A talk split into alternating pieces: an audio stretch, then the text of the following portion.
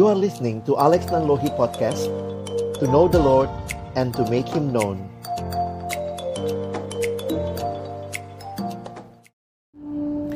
Bapa di dalam surga kami datang dalam ucapan syukur pada siang hari ini. Terima kasih Tuhan kesempatan ibadah Tuhan kembali berikan kepada kami. Kami telah memuji namamu ya Tuhan. Tiba waktunya bagi kami untuk membuka firman-Mu. Firman-Mu adalah firman yang hidup dan yang menghidupkan. Firman yang kudus dan yang menguduskan setiap kami. Firman-Mu firman yang tidak berubah. Tapi firman yang kami percaya sanggup mengubah kehidupan kami. Itulah yang kami rindukan di bagian setiap kami. Agar kiranya kesempatan ibadah bukan sekadar rutinitas bagi kami. Tapi sekali lagi, Tuhan berkenanlah menyapa kami melalui kebenaran firman-Mu. Di dalam nama Tuhan Yesus Kristus, Sang Firman yang hidup, kami menyerahkan pemberitaan firman. Amin. Silakan duduk. Shalom. Selamat siang Bapak Ibu Saudara yang dikasihi Tuhan. Kesempatan siang hari ini tema yang sama-sama akan kita renungkan adalah accountability partner. Ini satu tema yang saya pikir akan kembali menantang kita, termasuk saya yang menyiapkan di dalam banyak hal yang saya uh, baca dan saya pikirkan juga.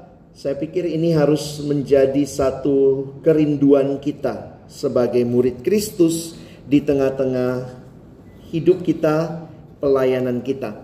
Beberapa buku yang saya baca dalam kaitan tentang pemimpin Kristen pemimpin rohani.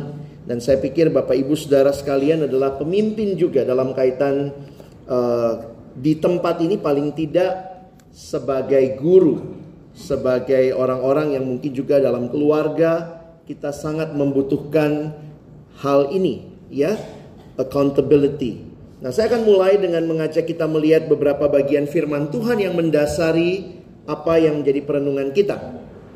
Saudara, mari kita membaca sama-sama kejadian 2 ayat 18. Saya sudah tuliskan hampir semua ayatnya di sini, jadi Bapak Ibu bisa lihat di depan ya. Kita baca sama-sama. Satu, dua, iya. Tuhan Allah berfirman, tidak baik kalau manusia itu seorang diri saja. Aku akan menjadikan penolong baginya yang sepadan dengan dia. Bapak Ibu Saudara, perhatikan bahwa ketika di dalam firman Tuhan di pasal pertama kitab Kejadian, Semuanya dikatakan baik, baik, baik dan di puncaknya dikatakan sungguh amat baik. Maka hal yang menarik adalah pertama kali di Alkitab kita muncul kata tidak baik di ayat ini. Ya, tidak baik kalau manusia itu seorang diri saja.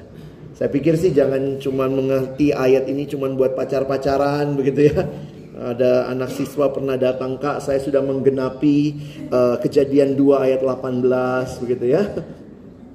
Tapi waktu merenungkan ayat ini lebih dalam lagi, ini bicara tentang kemanusiaan kita yang mungkin kalau kita pikir yang namanya manusia makhluk sosial itu bukan cuma teori sosiologi, saudara. Itu adalah bagian yang firman Tuhan tegaskan. Bahwa manusia selalu membutuhkan manusia yang lain. Jadi tidak baik kalau manusia itu seorang diri saja. Dan ini kalimatnya Tuhan sendiri. Sehingga harus kita hayati bahwa yang namanya rencana Allah kita ada di dalam komunitas. Tidak ada bayi yang begitu lahir langsung bisa beli susu sendiri ya. Kalaupun ada yang jual susu yang lari. Itu menunjukkan bahwa kita semua saling membutuhkan.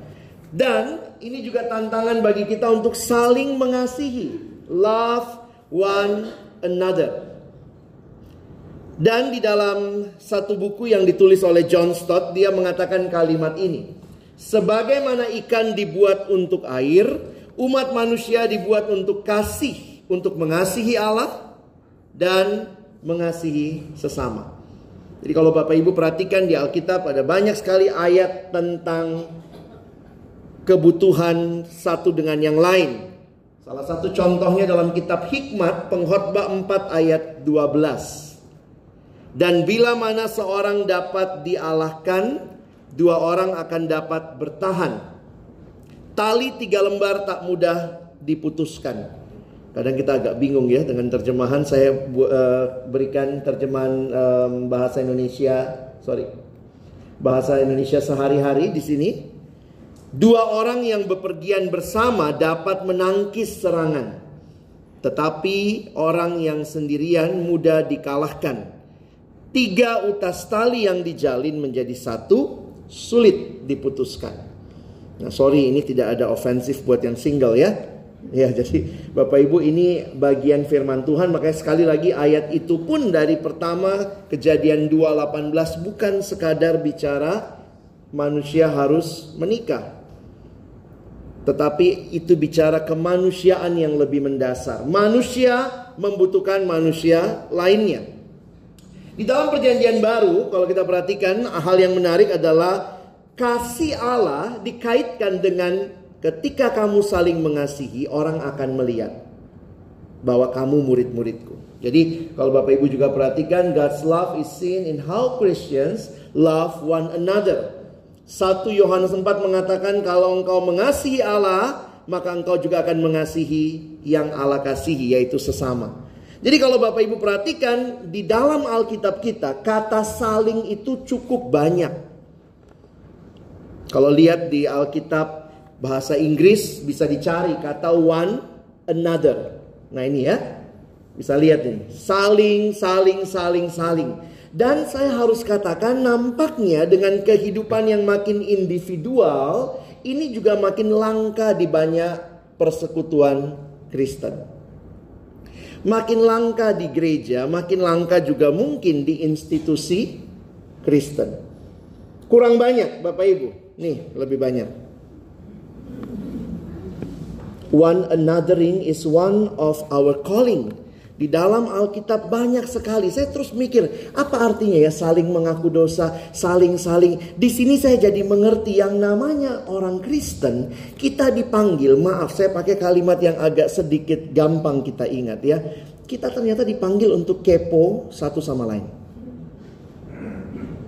Di dalam kekristenan seharusnya hidup kita terbuka untuk mengepoin orang dan dikepoin orang. Sorry, mungkin kepo itu negatif sekali ya. Tapi sering kali dengan budaya individual orang mulai mengatakan apa? It's your business, tidak ada hubungannya sama hidup saya. Selama kamu tidak mengganggu saya, saya tidak mengganggu kamu. Tapi apakah itu nilai Kristen? Makin saya pelajari, saya makin sadar. Bukan demikian orang Kristen. Justru Alkitab mengatakan kalau kau tahu saudaramu berbuat dosa dan kau tidak menegur dia, kamu yang tanggung salahnya. Kira-kira begitu ya.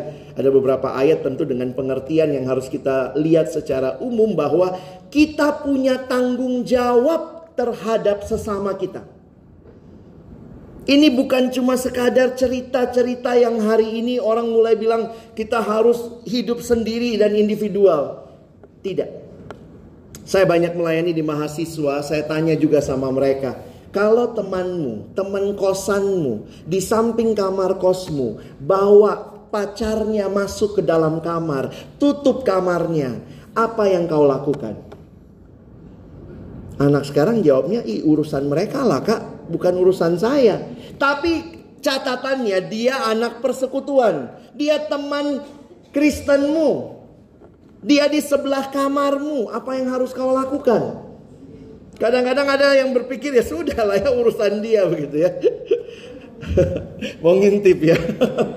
Youtuber soalnya Pak ya. Beda. Sesuatu bisa jadi news gitu ya.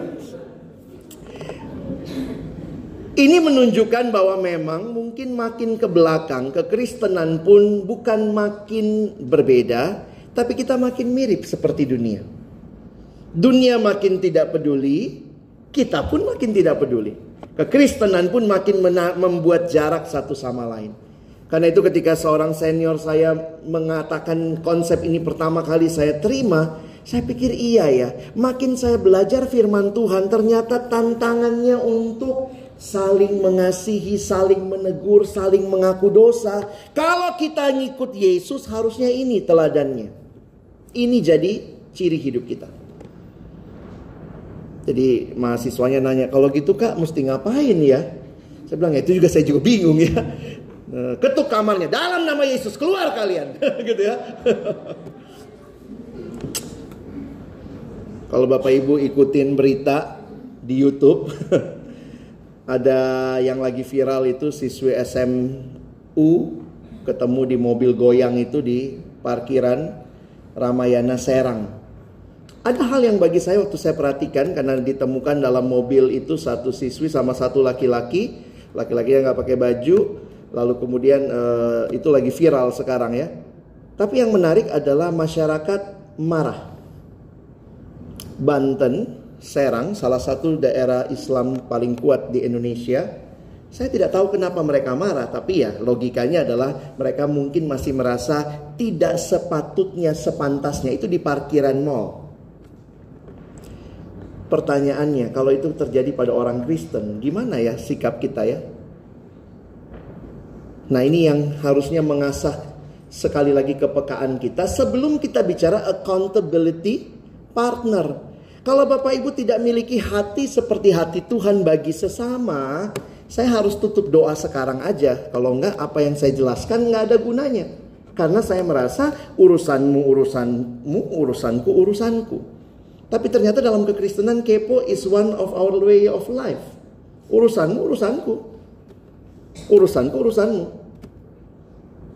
Tentu ini bukan dalam hal yang ekstrim, tapi melihat bagaimana kita dipanggil.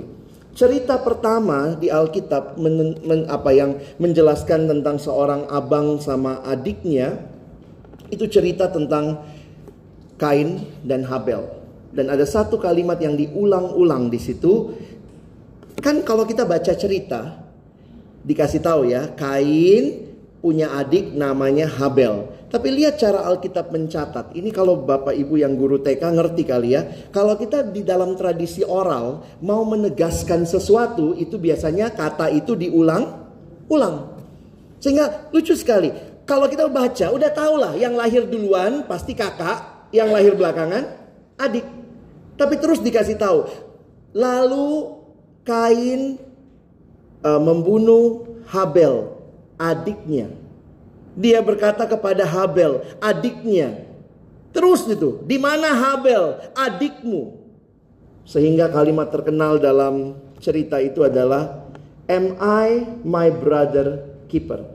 Apakah aku penjaga adikku? Saya pikir, wow, sebegitu tingginya tanggung jawab sosial kita.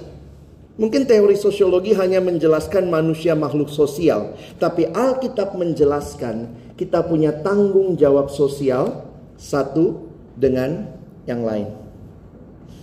Jujur ini salah satu materi yang sangat menantang saya di tengah-tengah masyarakat yang sangat-sangat individualistik.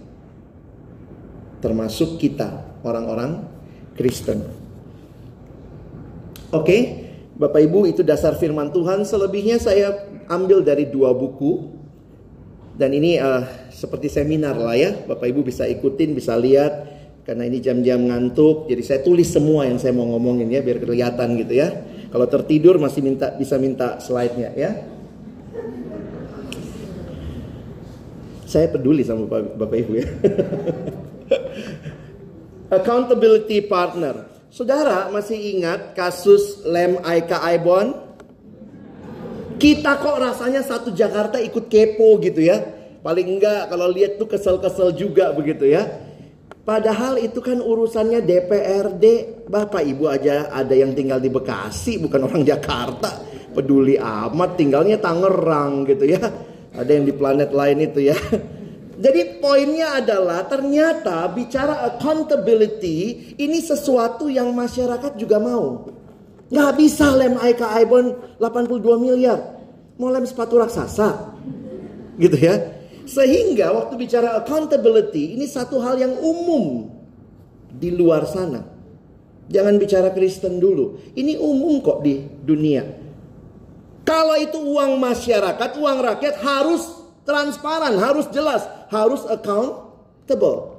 Sehingga pengertian umum akuntabilitas adalah sebuah proses di mana seorang individu atau institusi mampu mempertanggungjawabkan setiap aksi yang mereka lakukan dan setiap konsekuensi yang ditimbulkan. Ini pengertian ilmu manajemen sekarang. Ya.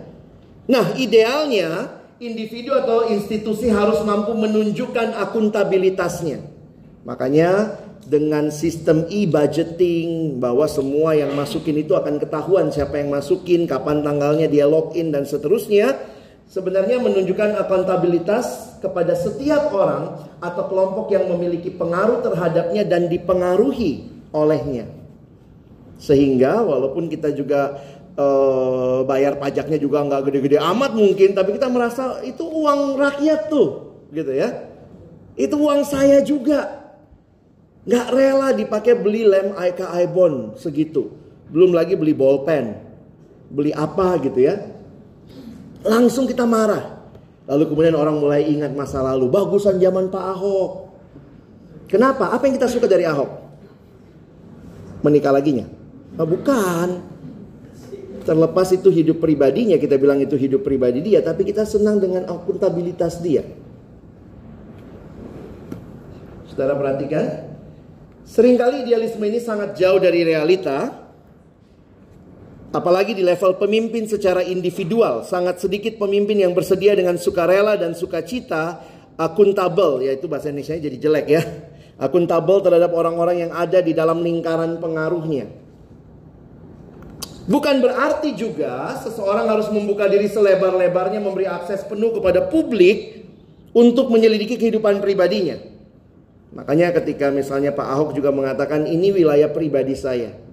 Oke okay lah kita tidak urusin itu. Jadi accountable yang kita minta dari apa yang dia kerjakan.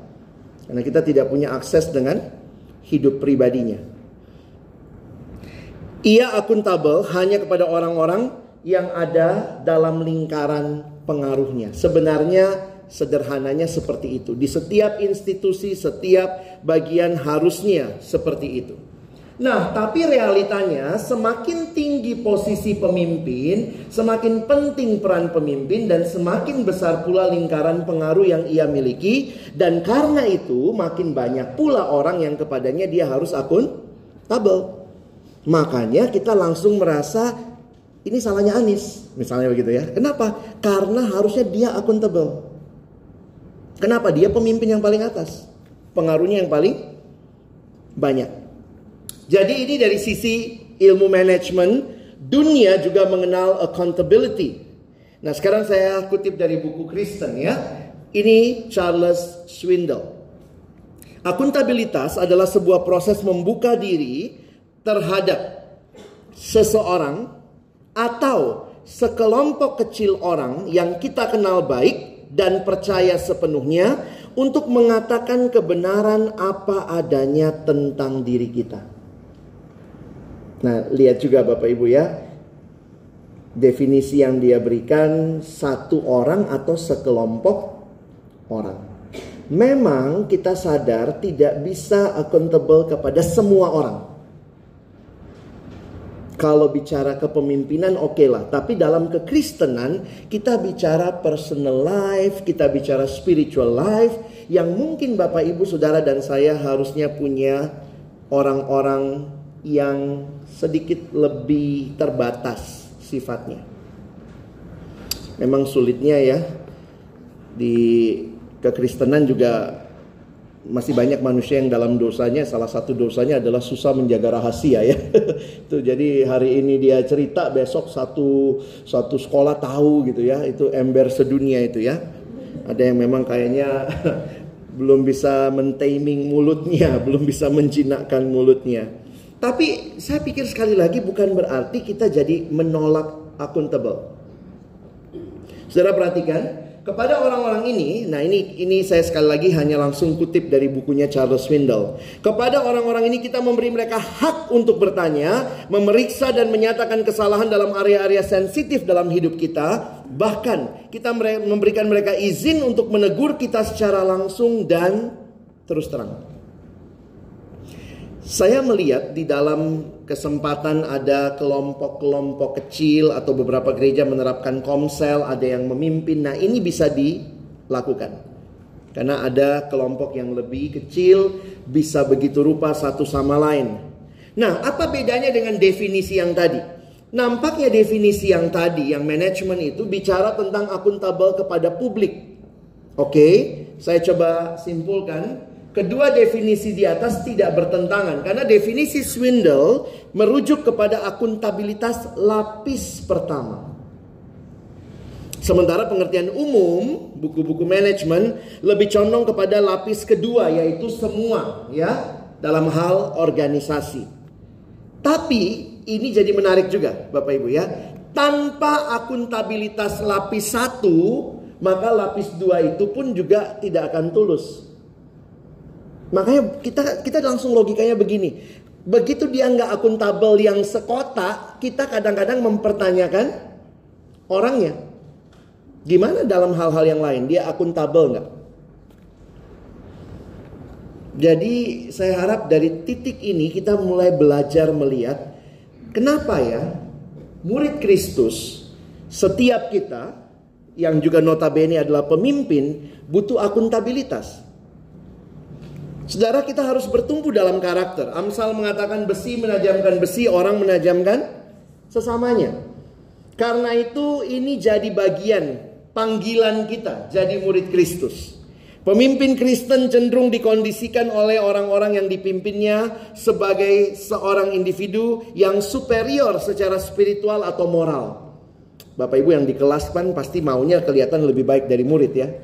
Ada yang mau lebih buruk dari murid. Kita maunya kelihatannya jadi saya bicara pemimpin secara umum begitu ya.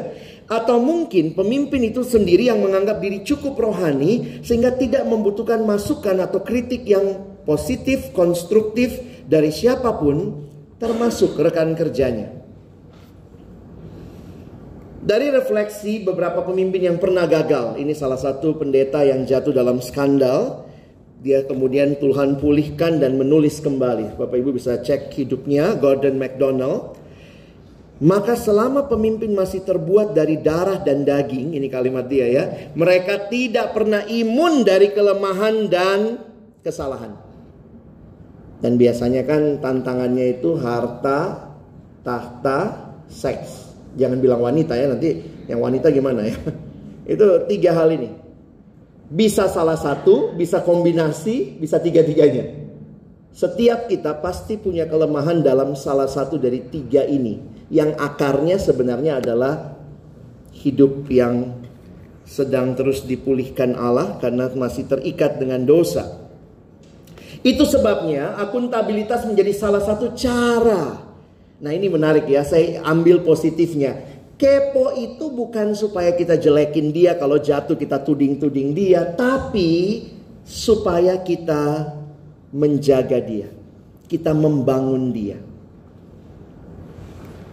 Tentu pemimpin dapat berkeluh kesah secara pribadi kepada Tuhan dan mendapat penghiburan dan kekuatan baru daripadanya. Namun secara manusiawi, ia juga membutuhkan teman bicara dan sahabat doa. Hari ini saya mau turunkan saja kedua hal ini. Kalaupun Bapak Ibu sulit, masih sulit untuk mencari teman akuntabilitas yang seperti idealnya, paling tidak kita punya orang-orang di lingkungan kerja kita bisa jadi teman bicara dan teman doa. Tentu di situ dibangun atas dasar trust, kepercayaan. Secara psikologis katanya perempuan terbuka kepada orang yang dia senang. Kalau laki-laki biasanya terbuka pada orang yang dia percaya. Itu teori psikologinya katanya ya. Makanya kalau perempuan baru 2 3 kali ketemu kalau dia udah senang dia udah cerita semua ya hidupnya ya. Kalau laki-laki udah 10 tahun juga belum tentu dia mau cerita hidupnya katanya begitu ya. Karena dia cerita pada orang yang dia percaya. Tapi itu generalisasi bagi saya. Setiap kita pasti butuh orang lain. Untuk teman bicara, untuk teman berdoa. Pemimpin membutuhkan teman bicara dari hati ke hati untuk mencurahkan berbagai kesesakan hidup yang ia alami. Ia membutuhkan sebuah uluran tangan yang merangkul pundaknya dan mengingatkan bahwa ia tidak sendirian dalam melewati saat-saat yang sulit dalam menjalankan tanggung jawabnya sebagai pemimpin. Bapak Ibu sering kali jadi pemimpin apalagi kalau kita makin naik di dalam uh, struktur itu tempat-tempat di mana orang mengalami kesepian. Karena harus tampil baik, jadi teladan, tapi pada saat yang sama juga pasti kita masih punya pergumulan. Karena itu kita harus belajar terbuka satu sama lain. Kita butuh juga sahabat doa. Sahabat doa untuk membagikan masalah yang ia hadapi, kelemahan yang ia miliki. Jadi bukan kelemahannya kita expose, kita ceritain sama yang lain, tapi kelemahan itu didoakan, kegagalan yang dia alami tanpa harus takut dicemooh atau dihakimi. Sebenarnya ini yang kita rindukan kita miliki, sahabat doa. Waktu kita cerita kegagalan kita, dia mendoakan kita. Dukungan moral spiritual yang datang ketika sahabat doa ini bersedia berlutut bersama berdoa untuk si pemimpin memiliki manfaat yang sangat besar. Karena itu, nah ini bagian terakhir yang saya mau bagikan.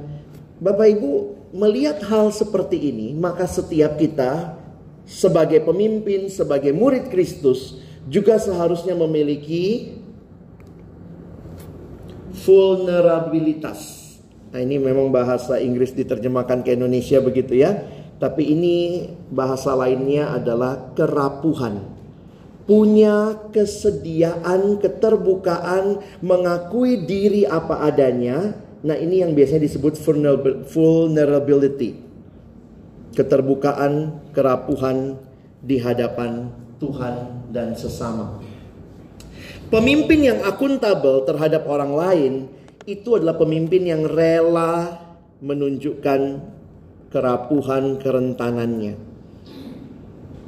Vulnerabilitas adalah kapasitas dan kerelaan untuk ditunjukkan kesalahannya dan bahkan dilukai hatinya dan berespon terhadap nasihat dan kritik yang konstruktif. Ini ujian yang sangat sulit bagi pemimpin budaya kita mengatakan pemimpin nggak pernah salah, pemimpin harus tough, pemimpin harus tangguh. Tapi di dalam kekristenan kita dituntut satu sisi yang lain. Pemimpin harus juga berani mengakui kesalahan. Pemimpin berani. Nah saya nggak tahu bapak ibu di kelas gimana sama murid ya. Guru selalu benar. Kalau guru salah lihat peraturan pertama. Ya, guru selalu benar. Kadang-kadang karena mungkin mereka masih lebih lebih muda jauh dari bapak ibu, lebih sedikit ilmu yang mereka pahami, belum tentu kita berani minta maaf. Tentu ada saatnya supaya juga Bapak Ibu tidak disepelekan sebagai guru, tapi bukan berarti kita merasa diri selalu benar. Ya. Ketika kita membuka diri kepada orang lain, area-area yang menjadikan yang menjadi kelemahan kita yang kita tadi yang tadinya kita rahasiakan dari orang lain terungkap dalam proses tersebut kita menjadi rentan terhadap berbagai hal. Beberapa hal.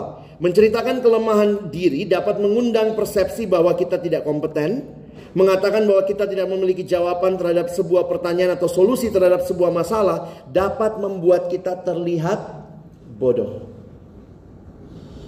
Makanya dalam banyak buku juga ada yang mengatakan kayaknya akuntabilitas itu di masyarakat barat yang lebih terbuka kayaknya lebih gampang.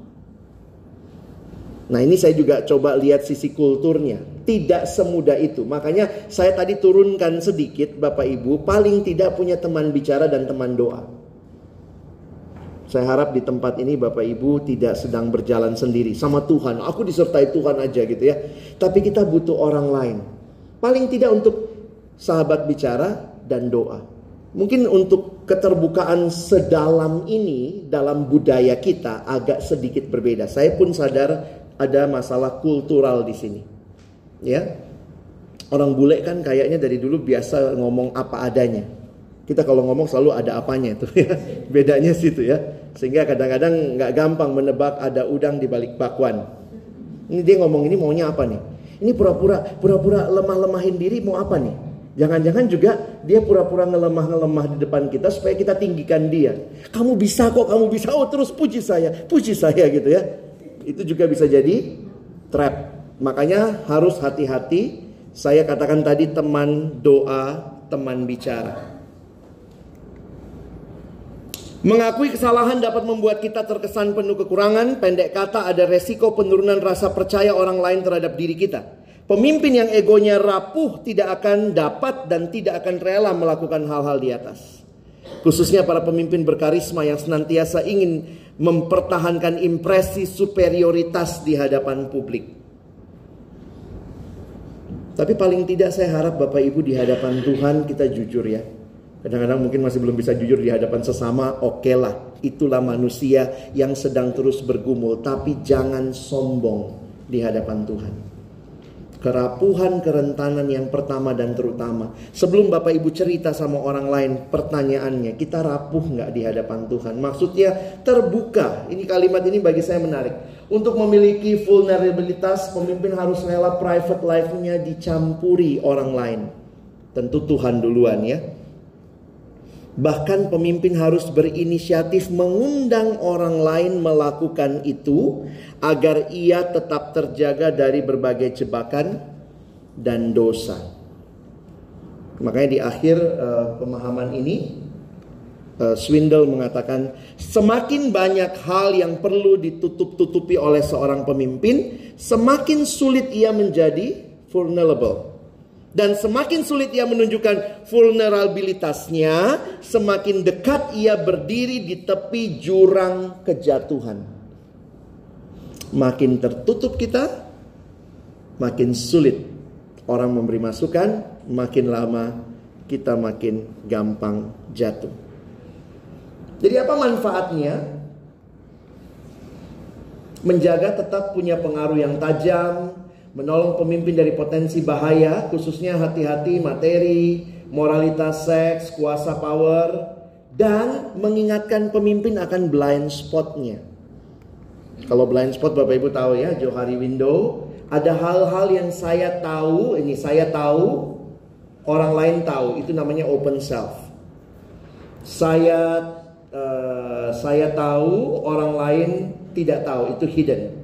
Nah, yang blind itu saya tidak tahu, orang lain tahu. Itu blind spot biasanya. Kita makin berkembang ketika orang-orang boleh memberikan masukan dalam blind spot kita. Penerapan praktis. Nah, ini gimana penerapannya? Sekali lagi saya langsung kutip dari bukunya Swindle, Bapak Ibu bisa pikirkan penerapannya. Saya surprise juga kan tadi Bapak Ibu punya KTB minggu depan bahas buku gitu ya. Mungkin itu bisa jadi orang-orang yang dekat padanya Bapak Ibu mulai terbuka, cerita dan saling mendoakan ya. Beberapa area yang perlu kita bagikan dan doakan bersama dalam relasi akuntabilitas itu biasanya spiritual, finansial, relasional, emosional dan seksual. Di beberapa gereja tertentu, hamba-hamba Tuhannya ada form evaluasi biasanya mencakup ini semua. Apakah belakangan ini Anda sering terlambat datang pelayanan? Kalau kami di pelayanan ada tuh form setiap tahun, ada evaluasi. Wilayah spiritualnya bagaimana? Bagaimana saat teduhmu? Jadi kadang-kadang kita suruh anak-anak kita saat teduh, saya saya pendeta, saya suruh jemaat saat teduh, ditanya tuh. Memang form itu juga form kayak menelanjangi diri ya. Itu di akhir tahun ini menjelang menjelang akhir tahun ini udah mulai mesti ngisi saya. Termasuk juga masalah uh, itu ya, finansial. Apakah Anda tahun ini boros dengan uang itu dicek juga. Walaupun itu pribadi ya. Tapi nanti kemudian kami store sama pemimpin. Jadi biasanya kita punya pemimpin di atas kita satu kita kasih sama dia dia akan lihat. Lalu awal tahun kita mulai buat program lagi tahun ini untuk spiritual apa yang mau dilakukan? Mau ikut retret di mana, ikut pembinaan di mana, mau baca berapa buku rohani. Nah, itu menolong kita ya, spiritual, finansial. Tahun ini apa yang mau dibeli? Nah, itu bisa juga kan supaya yang belum punya duitnya didoakan supaya punya gitu ya. Yang sudah punya bagaimana bisa save dengan baik, relasional bagaimana? Kami ada evaluasi bagaimana dengan teman sejawat, sorry, seangkatan Bagaimana dengan senior, bagaimana dengan junior? Karena ada orang dengan sejawatnya bagus, ke atas jelek. Nggak suka otoritas dia, berantem terus ke atas. Tapi ke murid-murid bisa baik tuh, ke bawah.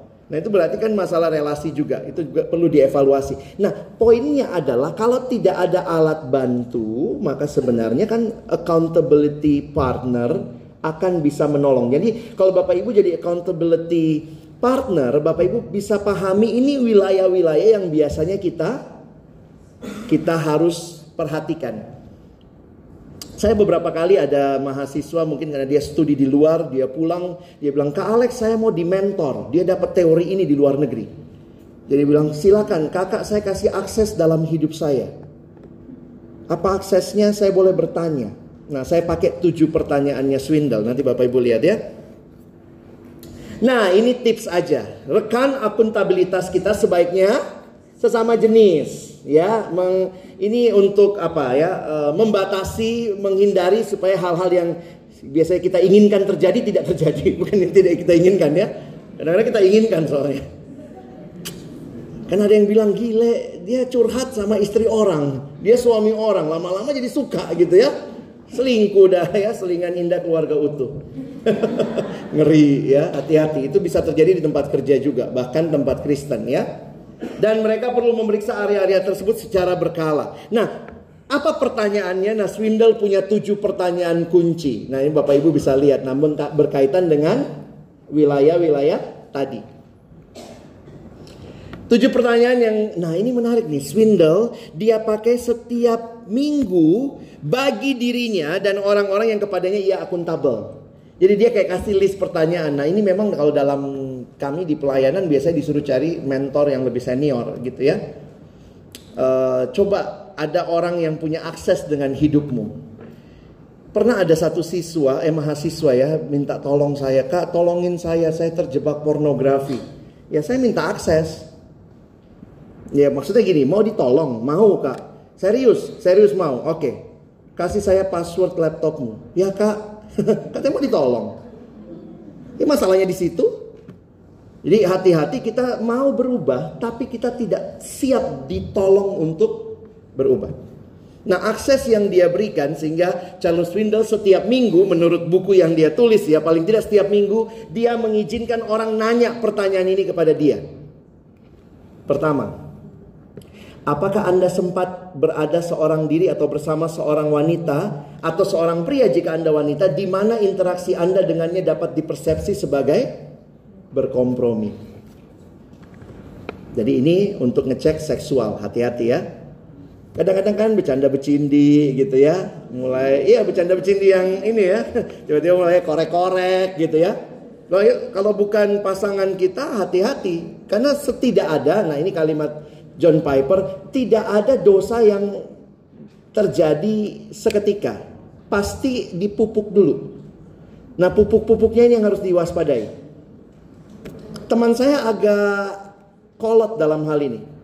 Pulang dengan istri orang di mobil, dia akan bilang kasih tahu dulu suami istriku ya.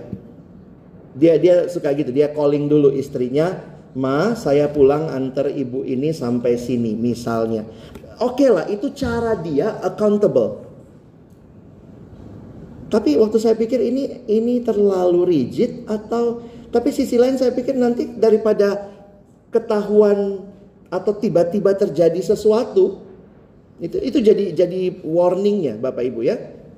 Hati-hati kalau pulang sekolah siapa yang pulang duluan gitu ya. Di ruangan jangan sampai berdua. Kayak di tempat pelayanan kami tidak boleh ada yang nginap lawan jenis. Tapi satu dalam ruangan tertutup tetap nggak boleh, gitu ya. Kenapa? Yang tertutup aja bisa dibuka. Jadi mesti hati-hati gitu. Jangan memberi celah. Karena apa? Kita tuh ya siapa tahu kelemahan kita seksual.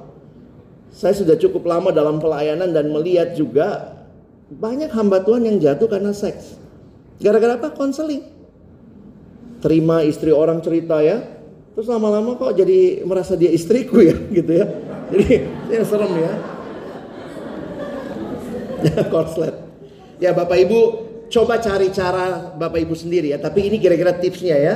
Nih berikutnya. Apakah ada urusan finansial Anda yang tidak menunjukkan integritas?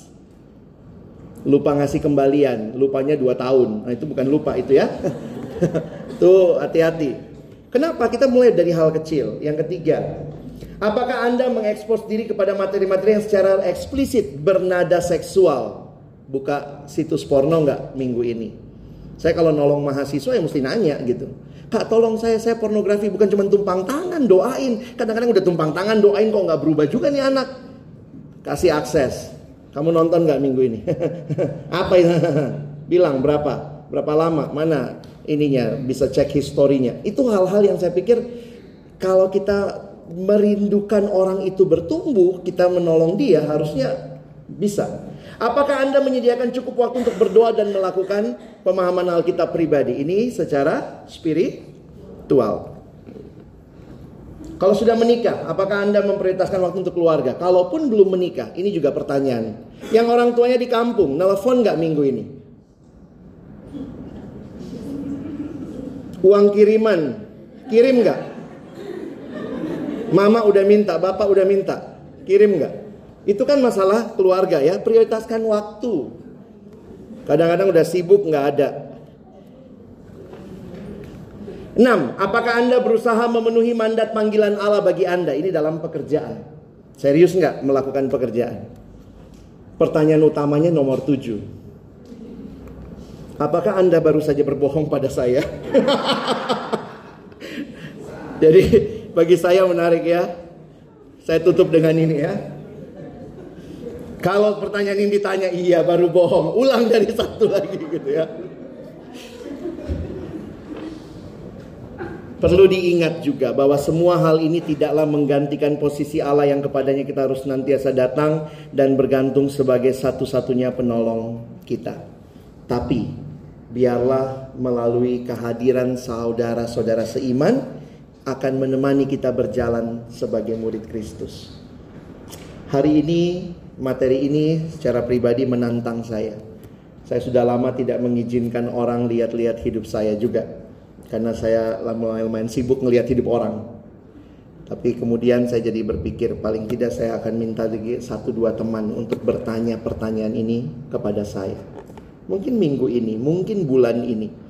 Tapi paling tidak Tuhan hadirkan orang-orang yang menolong kita supaya kita teguh berdiri. Amin. Mari kita berdoa. Bapak Surgawi terima kasih buat firman-Mu Setiap kebenaran yang menolong kami memahami betapa Tuhan merindukan Kami punya relasi yang saling membangun satu sama lain Termasuk di tempat kami bekerja Terima kasih ada kesempatan ibadah Ada kelompok-kelompok KTB yang ada Apa pun bentuknya Terima kasih untuk saudara seiman yang Tuhan hadirkan Biarlah kami saling menopang, saling menjaga Supaya kami terus bertumbuh dalam Tuhan. Kami bersyukur dalam nama Yesus. Kami berdoa. Amin.